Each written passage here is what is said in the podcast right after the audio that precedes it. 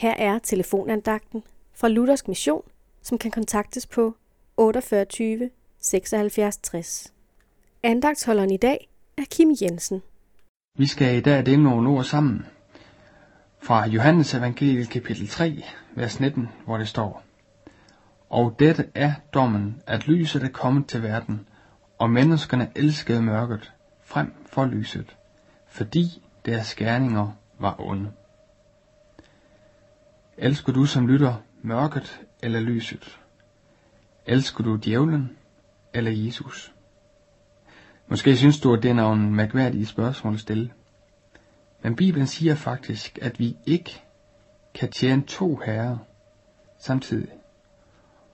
Og omvendt kan du heller ikke undgå at tjene enten Jesus eller djævlen. Man kan ikke være neutral i den åndelige verden. Djævlen, han ønsker ikke, at du skal lade Jesus at kende. Djævlen, han ønsker, at du skal gå fortabt og for evigt være sammen med ham. Jesus derimod elsker dig højere end hans eget liv.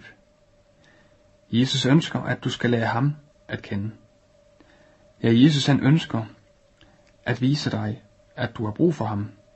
Vise dig, at du ikke kan klare livet selv. Ja, at meningen med livet først går op for dig, når du møder Jesus og bliver et Guds barn.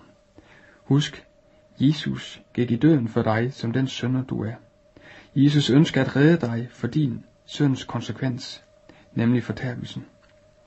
Læg dit liv i Jesu hænder, bed ham blive herre i dit liv, og du vil se selve meningen med livet.